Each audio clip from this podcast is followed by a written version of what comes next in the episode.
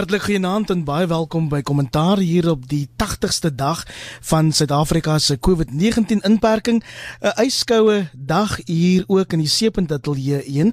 Die land het nou na 11 weke bykans 66000 gevalle met Dr. Willem Mkhize, die minister van gesondheid, wat oor die naweek gewaarsku het dat nog moeilike dae voorlê terwyl Suid-Afrika hom voorberei vir die piek van hierdie virus.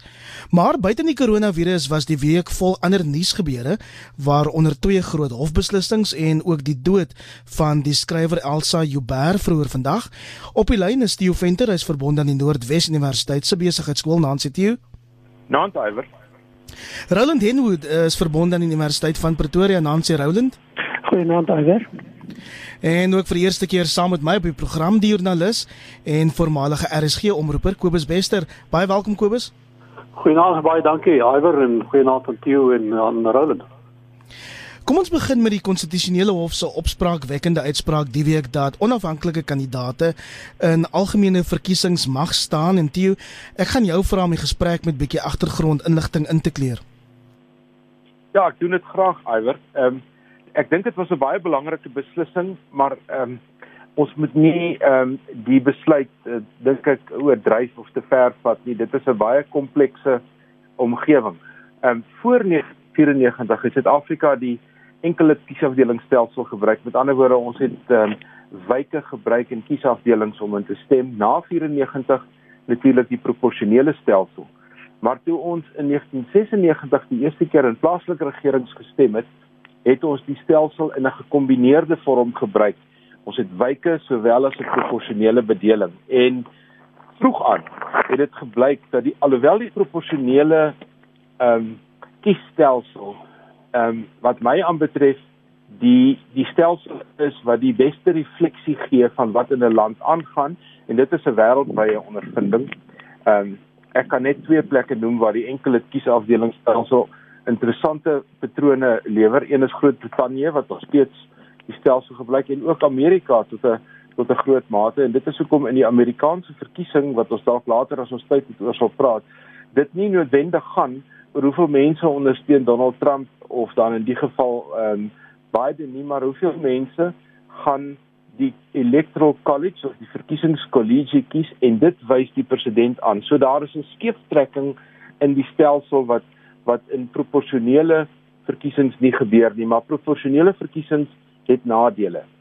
Ehm um, die belangrikste nadeel is dat die ehm um, verantwoordelike persoon wat na jou belange omsien wat in die ou dae 'n verteenwoordiger in 'n wijk was, is nou op 'n partylysstelsel. En partye probeer op verskillende maniere op verskillende plekke om om dit reg te stel. En so het daar in Suid-Afrika in 2003 die behoefte um, ontstaan om te kyk of ons die kiesstelsel nie kan aanpas nie en hulle het vir Dr. van Sail Slabber destyds gevra om 'n verslag te skryf, 'n goeie verslag. En sy aanbeveling was ons moet die stelsel 'n bietjie aanpas en met ehm um, en met die Duitse stelsel in gedagte kyk na uh, groter wyke of kiesafdelings binne in die proporsionele stelsel. Um verskillende modelle om dit om dit kortliks te te omskryf. Maar daar was nie die politieke wil onder Tabo en Bekkie om die waarheid te sê dat baie suursous deurgeloop tussen Tabo en Bekkie en van Sail Slabbert en is eintlik waar hulle goeie vriende was is eintlik op 'n op 'n gespanne voet uitmekaar uit en ons weet dat Saul Slabbert is later eintlik vroeg oorlede wat 'n wat 'n groot jammerte was want hy was een van die beter politieke denkers in Suid-Afrika maar om terug te kom by die hof se uitspraak die hof se uitspraak sê die verkiesingskommissie en die regering moet ehm um, dele van die kieswet aanpas om om dit grondwetlik te maak en die hof gee hulle 24 maande om dit te doen.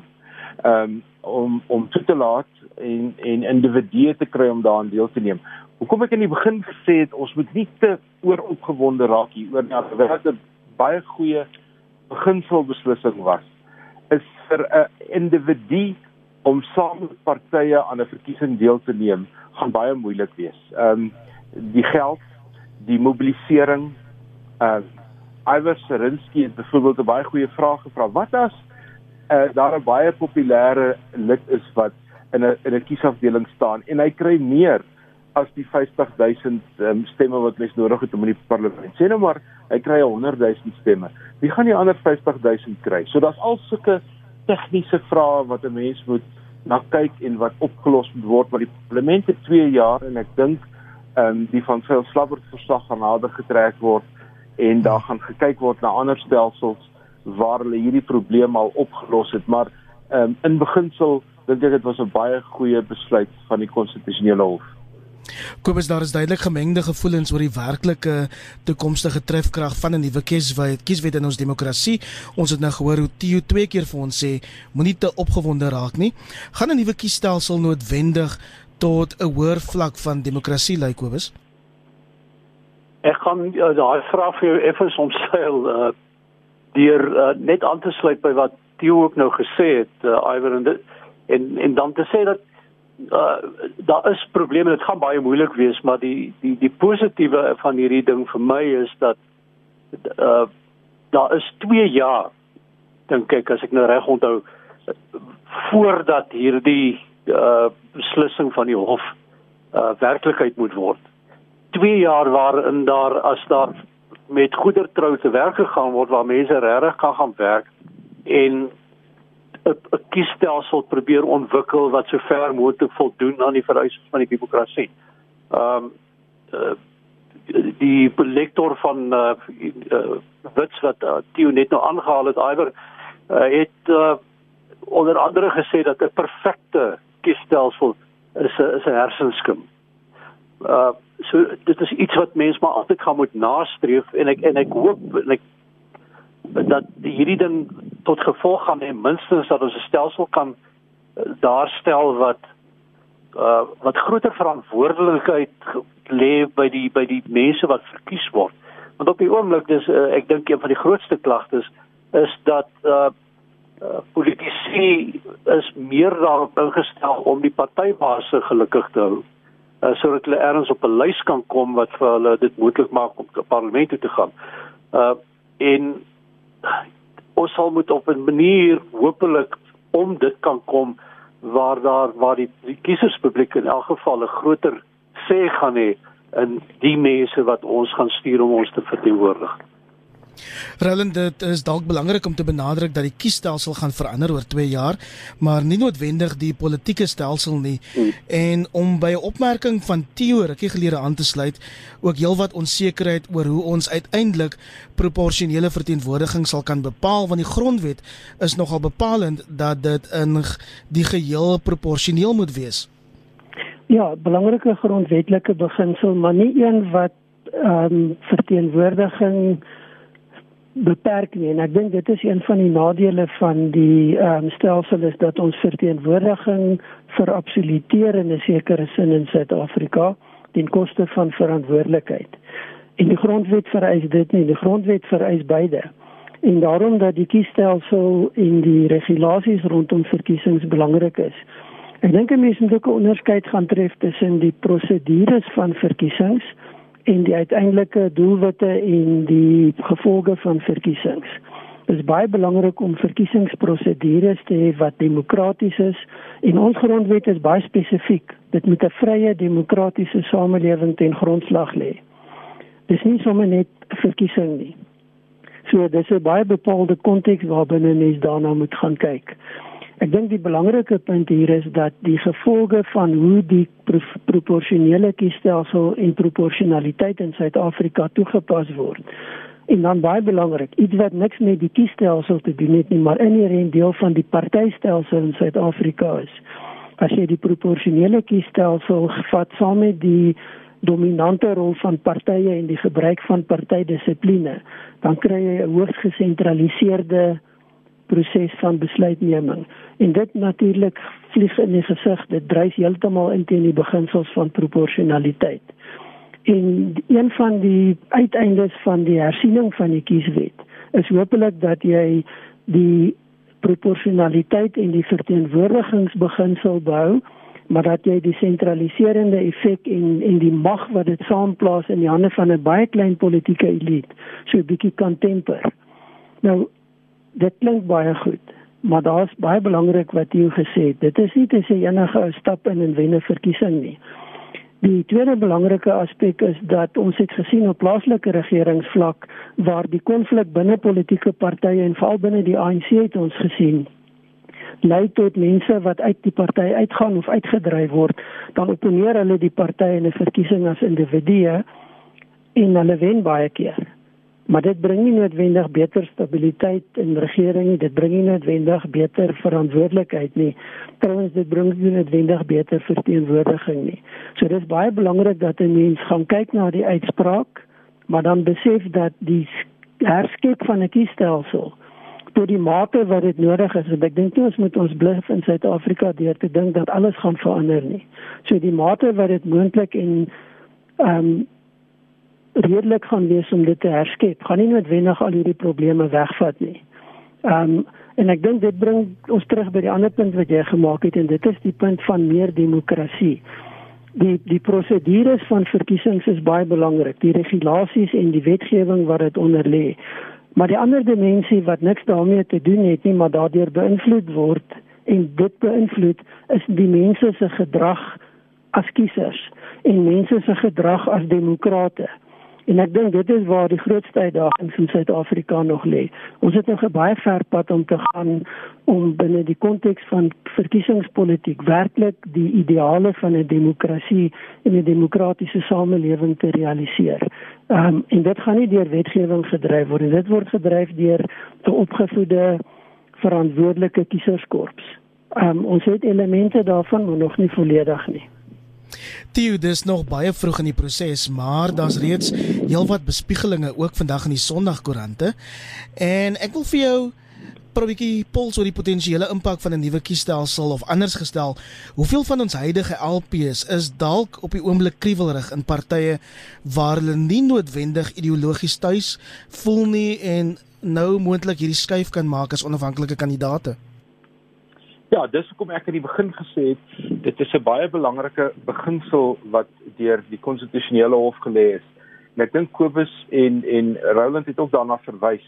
Jy kry partykeer mense wat in 'n politieke party sit net om die platform te gebruik, maar wat nie heeltemal inkoop in die volledige ideologie nie, want terwyl elke politieke party het maar sy eie ideologie waardeur hy sy eie mense oplei en wat jy kry is dat leiers dit kom ons neem byvoorbeeld iemand soos Herman Mashaba in die DA wat ehm um, eintlik 'n randfiguur in die DA was en mettertyd daai platform nie meer kon kon ondersteun nie en het het uitbeweeg.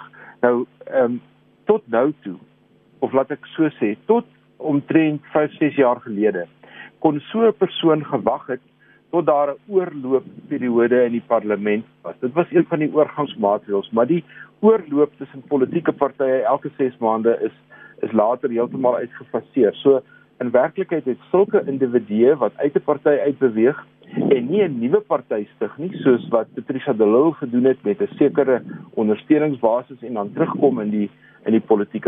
Sulke politieke sulke politici was eintlik maar in die buitenste duisternis politiek gesproke hierdie besluit maak dit tog tegnies moontlik vir sulke individue om weer terug te keer na die politiek toe. Maar ek dink almal van ons het gesê dit gaan 'n baie tegniese soort um, besluit wees om om te neem. En ehm um, een van die faktore boonbehalwe die individue wat nou 'n kansie sien om uit 'n politieke party uit te beweeg en die meeste uh, politici sal waarskynlik die grond wil betree tussen die ANC en die DA. Want dit is asof dit die doodsakker is vir individue en hierdie gee bietjie vir daardie gedeelte van ons politiek 'n nuwe lewensruimte. Maar daar's ook 'n ander ding wat ons nou moet kyk en dit was ook vandag in die in die koerante en dit is dat hierdie 2 jaar uitstel sien natuurlik nou vir die ANC 'n baie interessante geleentheid om volgende jaar se plaaslike regeringsverkiesing wat veronderstel is om in Mei maand een of ander tyd naby April Mei plaas te vind en waarskynlik uit te stel vir 'n langer periode, miskien vir 'n jaar, miskien vir 2 jaar om dan te kyk of hulle die plaaslike en die nasionale en provinsiale verkiesings op een dag kan hou. Tegnies is dit heeltemal moontlik. Ons het al die stelsels, die OVK is redelik goed ehm um, onder lê en al die ehm um, goed om om so 'n verkiesing te hou. Maar die vraag is is dit polities ehm um, belangrik en is dit polities um, iets wat wat verkoopbaar is Ons het al in die verlede langer termyne gehad as 4 of 5 jaar in 96 het plaaslike regerings um, vir omtrent 6 jaar geduur voor hulle herkies is. So dit was al een keer het dit al plaasgevind, maar dit gaan natuurlik grondwetlike wysigings verg. So boonbehalwe die vraag wat jy gevra het, is die tweede implikasie van hierdie besluit natuurlik uh, 'n meer politiek opportunistiese een van die regerende party om dit nou te gebruik om nie volgende jaar verkiesing te hou nie. Dis heeltemal moontlik. Ehm um, omdat dit so moeilik gaan wees om volgende jaar sinvolle verkiesing te hou synde ons COVID-19 gehad het, die ekonomie gaan in 'n slegte toestand wees en al sulke soort van goed. Kobus die Sondagkoerant het amper na uitgemaakte saak laat klink dat volgende jaar se munisipale verkiesings inderdaad uitgestel sal word. Glo blykbaar agter die skerms inkoop van van sekere politieke partye Kobus. Ja, maar ek het nie daai laaste deel gehoor nie, daar het nou so iets gebreek hier. Nee, die die die Sondagkoerante sinspeel daarop dat van die hmm. politieke partye reeds agter die skerms besig is om inkoop te kry vir die uh, uitstel van die munisipale verkiesings volgende jaar. Ja, dit is interessant. Uh, ek weet nie vir wie dit die grootste bate gaan of of wat die wie die meeste baat daarby gaan vind nie. Uh, maar uh, jy weet in die lig van wat nou met die met die met COVID-19 en al die onsekerhede wat rondom dit gaan So ek kyk net verbaas wees as hulle dit nie uitstel nie. Ehm um, uh die US sou miskien met beter insa insa al daar gehad het, maar die uh, as ons jy weet hierdie jaar is feitelik ek wil amper sê jy kan hierdie jaar maar afskryf in 'n groot mate as ons nou kyk hoe lank dit gaan vat om goederes weer aan die gang te kry, stelsels te laat werk. Uh en ons weet eintlik nog nie hoe daardie veld gaan lyk wanneer die uh, die hele inperkingstydperk verby is nie. Um, ons het nou al 'n goeie idee van die slagting wat daar in uh, onder ondernemings en op munisipale gebied nou al ge, ge, geskied het. So om om nou met groot sekerheid te sê maar kom ons hou verkiesing volgende jaar. Uh, Persoonlik uh, dink ek ek sou ek sou baie verbaas wees as hulle dit wel doen. Roland, voor ons aanbeweeg in vandag se rapport maak Jakob Rooi 'n voorstel wat hy 'n trojka DA leierskap noem en hy voorspel dat 'n nuwe kieswet dinge vir die amptelike oppositie skielik minder voor die hand liggend maak, veral as prominente leiers soos Christo van Rede noem op die naam professor Michael de Cordeer, Dani van Wyk, hulle kansse as onafhanklikes sou waag in die Wes-Kaap spesifiek. Hoe sien jy die moontlike impak van 'n nuwe kieswet op die DA? Ek dink dit gaan dit vir die DA en al die ander partye maar dieselfde raak en ek wil dit kwalifiseer in die sin dat niemand weet wat regtig gaan gebeur nie. Daar's 'n groot klomp detail wat hanteer sal moet word. En en dan wil ek terug na my voorbeeld van vroeër. Ons het gesien vir al die Noordwes provinsie waar ANC-lede die ANC opponeer in verkiesings en dan doen hulle redelik goed. Um, maar dit is ook iets wat ge gekom en, en en dit kan ook gaan. So daar's geen langtermyn basis hiervoor nie. Ehm um, dit kan interessant wees en dit kan wel gebeur dat prominente individue suksesvol deelneem en verkies word. Die vraag is wat dan? En en dit is waar mense versigtig moet wees met hoe jy hierdie tipe verandering gaan beoordeel. Want 'n individu kan nie alleen besluite neem in 'n wetgewende proses nie. 'n Individu kan nie uitvoerende gesag vorm en alleen regeer nie. Jy het getalle nodig en daai getalle kom van die ander mense wat verkies is en ons moet aanvaar soos dinge nou staan gaan die groot meerderheid lede nog steeds deur politieke partye verkies word. So dit kan 'n interessante dinamika skep, dit kan prominensie gee aan bepaalde persone, maar dit gaan baie moeilik wees vir 'n individu om 'n deurslaggewende rol te kan speel. Die die die kiesstelsel gaan dit in elk geval nie makliker maak nie behalwe dat jy verkies kan word. En die belangrike ander ding is dan sien ons op plaaslike regeringsvlak hoe beperkend dit is vir die individue wat verkies word. Tensy hulle baie sterk saak het, 'n spesifieke saak wat hulle dryf. Ons het gesien hoe die ANC as dit ware gijslaer gehou word deur 'n klein groepie mense wat van Kokstad se kant af die grens geskil gedryf het en 'n effek op eind gehad het in Johannesburg metro se raadsverkiesing en besluitneming. Maar maar dit is uitsonderlik dis onwaarskynlik dat dit op 'n nasionale vlak gaan gebeur dis onwaarskynlik dat jy deurslaggewende politieke besluite gaan verander met so 'n rolspeler ehm um, waar so 'n persoon wel belangrik kan word is aan wanneer jy nie 'n groot meerderheid of selfs nie 'n volstrekte meerderheid het nie. En dit sien ons selfs in plekke soos die FSA waar 'n individuele senator 'n baie belangrike besluit kan in 'n bepaalde rigting stuur. Maar dit is uitsonderlik, dit is nie normale politiek en en, en prosesse nie. En ek voorsien nie dat ons in Suid-Afrika baie gou daai punt gaan bereik waar dit so deurslaggewend word vir individue nie. So goed, dit was inderdaad 'n week van groot wielinge woelinge in die hof en 'n volbank regters het aan die DA 'n bevel toegestaan wat die ontbinding van die Tshwane Metro Raad tersyde stel.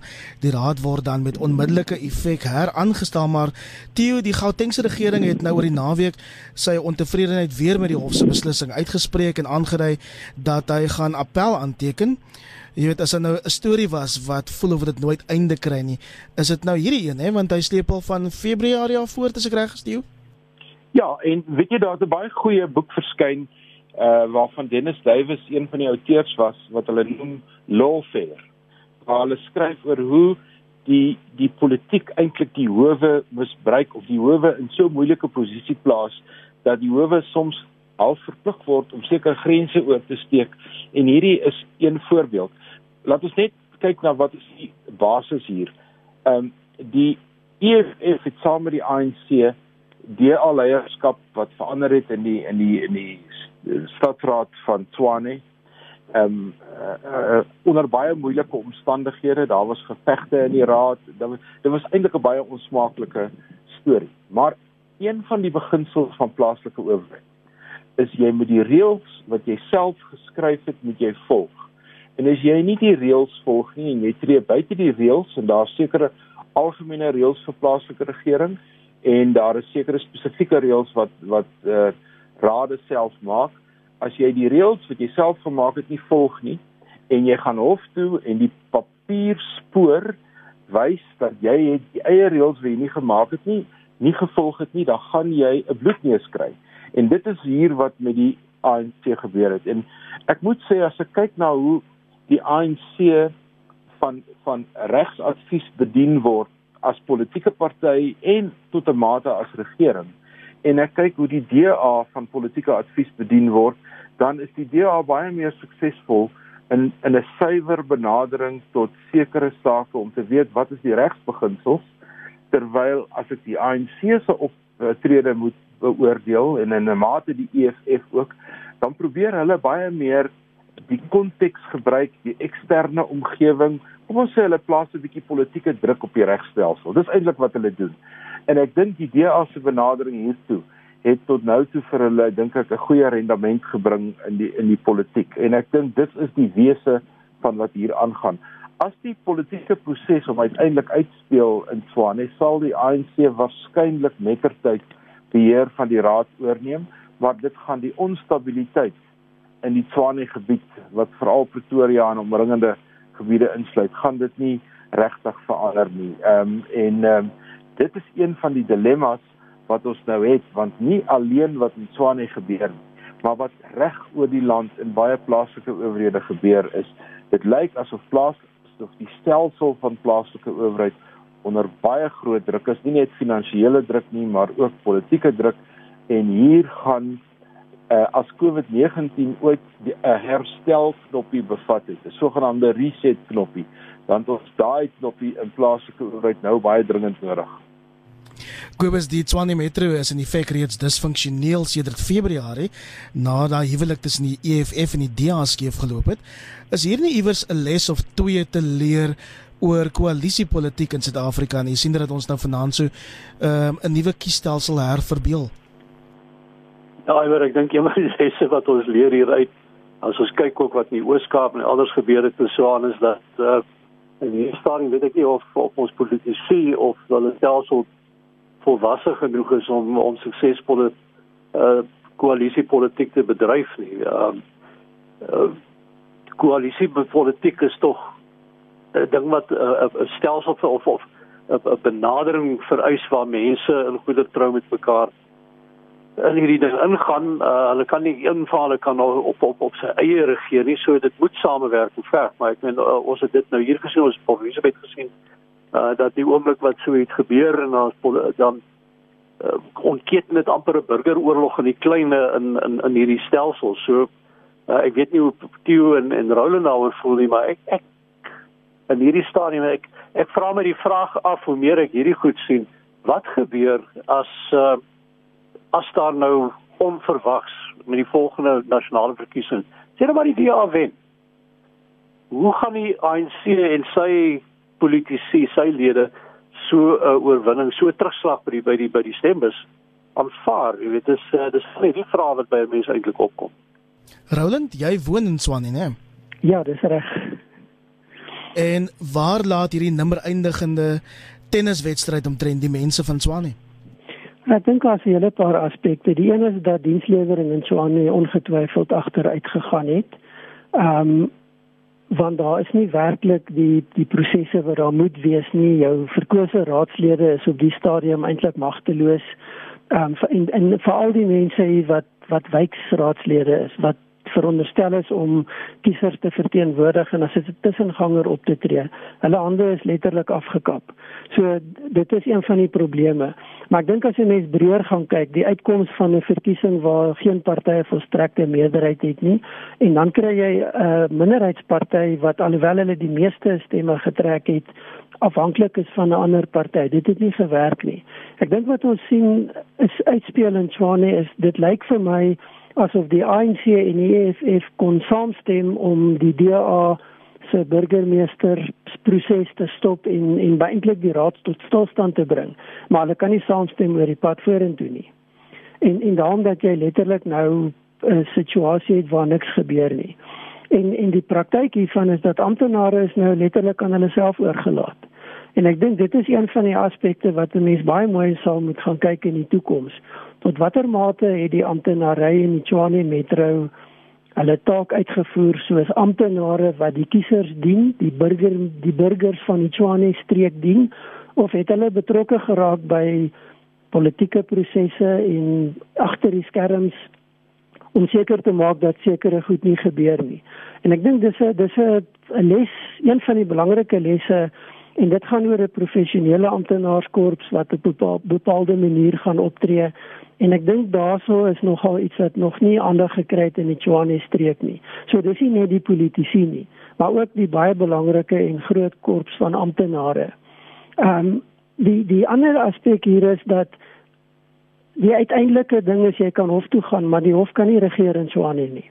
So jy kan uitsprake kry, jy kan appelle kry, jy kan uitsprake kry dit gaan nie die politieke situasie oplos nie want daar is nie 'n party met 'n meerderheid nie en uiteindelik gaan dit 'n verkiesing wees wat dit moet tot 'n einde bring die proses of dit gaan wees dat partye verby hulle self kyk en ooreenkomste bereik om bepaalde regering moontlik te maak ehm um, Kobus sê daar sien die volwassenheid daartoe nie. Ek dink daar's ook 'n ander aspek en dis dood eenvoudig dat eie belang weeg swaarder as enigiets anders. En of dit nou die ANC of die DA of die EFF is, al die partye is skuldig aan daai klag. Ehm um, want ons sien hoe dit uitspeel in in, in die Tshwane Metro. So so die regsproses kan uitsprake bring, maar die regsproses gaan nie die vorige verkiesings se uitslag verander nie. En daai dinamika is wat Tshwane lam lê op die stadium. Voor ons dan buitelandse nuus beweeg hier op kommentaar. Die gevierde skrywer Elsa Joubert is vandag in die ouderdom van 97 oorlede. Die familie het haar dood vroeër vanaand bevestig aan Netwerk 24. En Kobus, ek wou jou spesifiek kortliks hieroor pols. Ek sien professor Willie Burger beskryf haar as die reisiger van die Afrikaanse letterkunde. Wat is die nalatenskap wat sy agterlaat? Kort en kragtig asseblief Kobus. Ek uh, ek dink Willie is reg, uh, die manier waarop hy beskryf het. Ek dink ook 'n mens kan sê dat sy was een van die heel belangrikste skrywers in Afrikaans uh, wat ons uh, gehad het tot nou toe. Ehm um, wat 'n reuse bydrae gemaak het van haar eerste boek aan 1962 ons wag op die kaptein wat ook die uh, as ek nou reg onthou ja, ja Eugene Maret prys uh, uh, gekry het daai jaar gewen het vir daai jaar. Uh en dan 1978 die swerfjare van Poppy Nongema wat beskou word as een van die 100 invloedrykste werke wat uit Afrika nog gekom het. Nou dit is 'n mondvol nê en uh dis 'n boek wat mense so aangegryp het uh op soveel maniere en vaar nog geklop pryse net hier en in die buiteland gewen het. Uh ek ek lees vroeër vanaand dat iemand gesê het dat dit, baie Afrikaners veral Afrikaanssprekendes vir die eerste keer regtig laat kyk na die mens wat vir jou in die huis werk. Die daai belangrike mens wat jou kinders help grootmaak het, jou huis skoonmaak wat wat daar in 'n deel van die gesin is. En wat sy uh, in in die uh, persone van Popinongena beskryf het wat sy alles moes deurgaan wat nou onlangs 'n goeie fliek ook van gemaak is. So uh, as jy net gaan kyk na die toekennings, uh, Hertzogprys, CNA prys, sy's 'n fellow of the Royal uh, Society of Literature uh, wat ook 'n rare toekenning is. Uh so Elsa Joubert ja is is een van die reuse van die Suid-Afrikaanse letterkunde wat uh, regtig tot met haar laaste boek uh, sperd uit. Uh 'n wonderlike bydrae tot uh tot die uh, die Afrikaanse letterkunde en ook in Engels natuurlik. Baie van haar werke is ook vertaal uh missionaris wat uh the Hunchback uh, missionary geword het en 'n klomp ander werke wat ook uh, baie goed vertaal is. So ja, Elsa Joubert, ehm uh, oorlede wat op 97 amper 98 en 'n uh, besonderse figuur dink ek in die letterkunde van Suid-Afrika en haar laaste boek op die ouderdom van 95 gepubliseer. Monitor het dan ook môreoggend tussen 6 en 8 'n huldeblyk aan Elsa Joubert wat vandag oorlede is en hulle praat met 'n vriendin van 40 jaar, iets oor die 40 jaar lank môreoggend tussen 6 en 8 op RSG. As jy pas by ons ingeskakel het, dis kommentaar op 100 tot 104 FM en ons praat volgende oor buitelandse nuus en heel eerste oor woelinge in Lesotho waar Tom Tabani, die voormalige eerste minister moontlik van moord aange aangekla kan word. Die hierdie hele storie klink vir my bietjie soos 'n drama vir die geel pers, maar ons in Suid-Afrika moet eenvoudig daarvan kennis neem want politieke onstabiliteit in ons buurland kan dalk later ons probleem word. So kortliks, wat is die storie? Wat is daar aan die gebeur in Lesotho? Kyk, Lesotho se probleme wat wat wat hulle nou ervaar, strek so ver terug soos 1993.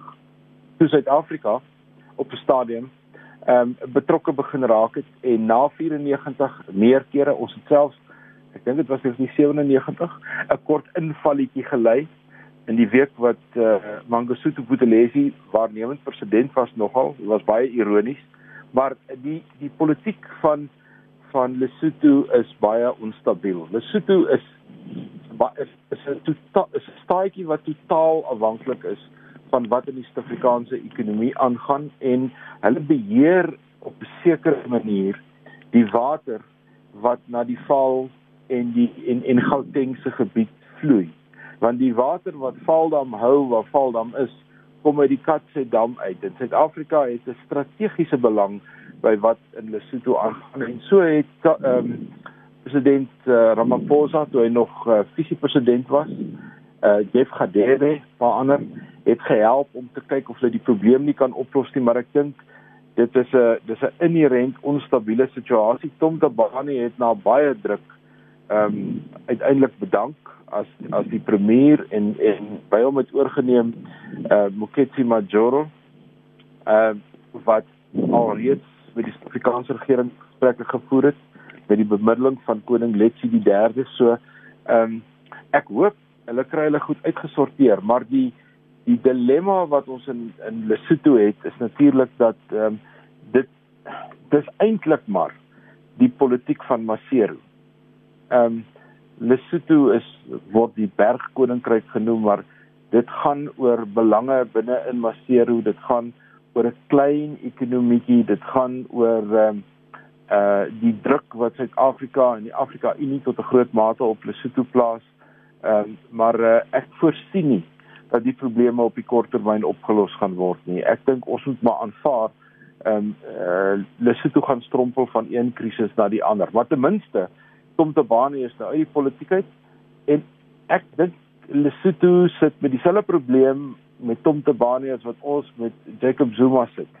Dat daar is 'n daar is 'n duidelike saak waarvoor hy in die hof moet beland en daar's 'n duidelike saak wat hom ehm um, wat wat hy moet aanspreek maar of die politieke wil bestaan en of die stelsel dit gaan gaan toelaat, dit is 'n ander vraag. Politieke stabiliteit is natuurlik op die spel Roland. Is jy hoopvol dat die nuwe premier Moketsi Majoro ehm um, daarin kan slaag om daai stabiliteit in Lesotho te herstel ten minste? Uh, dit lyk op die kort termyn of dit moontlik is. Ek dink wat belangrik is is dat hy baie vinnig uh, besoek aan Suid-Afrika gebring het met president Ramaphosa kom praat het. En hoekom dit belangrik is, is nie net die invloed wat Suid-Afrika het nie, maar ook die feit dat Suid-Afrika deur die Suider-Afrikaanse Ontwikkelingsgemeenskap 'n baie belangrike rol gespeel het oor baie jare, ek dink dit is 7, 8 jaar wat ehm um, president Ramaphosa betrokke was as 'n bemiddelaar en eintlik as hy hy uit 'n oorsigrol gekry van die SAOG om in Lesotho te probeer om die probleme op te los. En dis nog voor ehm um, Tom Tabane se laaste probleme wat hom uiteindelik uit sy amp uitgedryf het. Ehm um, dan ook baie belangrik is die Afrika Unie en en en die rol wat president Ramaphosa daar speel as voorsitter wat ook betrokke is en dan natuurlik ehm um, die vorige adjunkregte hoofregter ehm um, die gang Moseneke wat ook 'n belangrike rol gespeel het as bemiddelaar in Lesotho. So daar's baie redes om optimisties te wees, maar dan weet ons ook dat individuele belange en kleiner groepies se belange in Lesotho nog altyd die probleem was wat die onstabiliteit in die politiek gedryf het. En die vraag is of die huidige eerste minister genoegsame ondersteuning oor 'n termyn gaan hê om die stabiliteit van die regering in stand te hou. Want as dit nie gebeur nie, dan gaan ons sien dat ons hierdie proses baie vinnig op die siklusse van verandering baie vinnig opvolg en dit is natuurlik nie goed vir 'n plek soos Lesotho nie. So daar's hoop, maar daar's geen waarborge nie. En van die soete na die FSA waar Donald Trump ondanks die COVID-19 uitbraak in sy land nou die verkiesingsstryd volstoom wil begin ry. Kobus die presidentsiële verkiesing is nou net 5 maande ver, né? 5 maande ver en uh ek moet jou sê die een ding wat my getref het dat die afgelope week wat mense nou hierdie goeters probeer dophou op nie dophou uh is, is dat die die media so 'n rol begin speel het en nou weer so kant gekies het in in in Amerika dat mense weet nie eintlik reg meer as jy nie uh, die binnewerkinge ken en mense aan die binnekant ken en jy kan praat nie. Uh maar ek moet sê sowel die die CNN geleedere mense aan daai kant die Fox News mense aan die ander kant ehm um, dit so duidelik kant begin kies uh in in teenstryd met wat mense verwag dat 'n goeie joernalis behoort te weet uh, behoort te doen dat 'n mens regtig nie meer vandag heeltemal seker is dat jy op hoogte is van wat werklik daar aan die gang is en wat die steen aan watter kant ook al is nie. Uh hierdie afgelope week het ons ook onder andere gesien uh, te midde die van die, van al die uh, die onluste, die uh, uh Black Lives Matter besigheid en alles wat daar aan die veldtog wat daar aan die gang is. En nou gaan kyk jy na mense wat skielik nou na voorskyn kom uh, uh swart mense, swart Amerikaners, Afro-Americans wat uh teen hierdie goeters praat en wat baie sterk praat daaroor en dan begin jy nou wonder ek en die presies is hoe sterk en wie staan waar. So uh, die, dit gaan baie interessante volgende 5 maande wees. Die die laaste 30 sekondes of so behoort aan jou. Hoe sien jy die stryd tussen Trump en Joe Biden uitspeel? Die wedders in Amerika ehm um, gee jou tans ehm um, uh meer geld ehm um, op Joe Biden as op Donald Trump.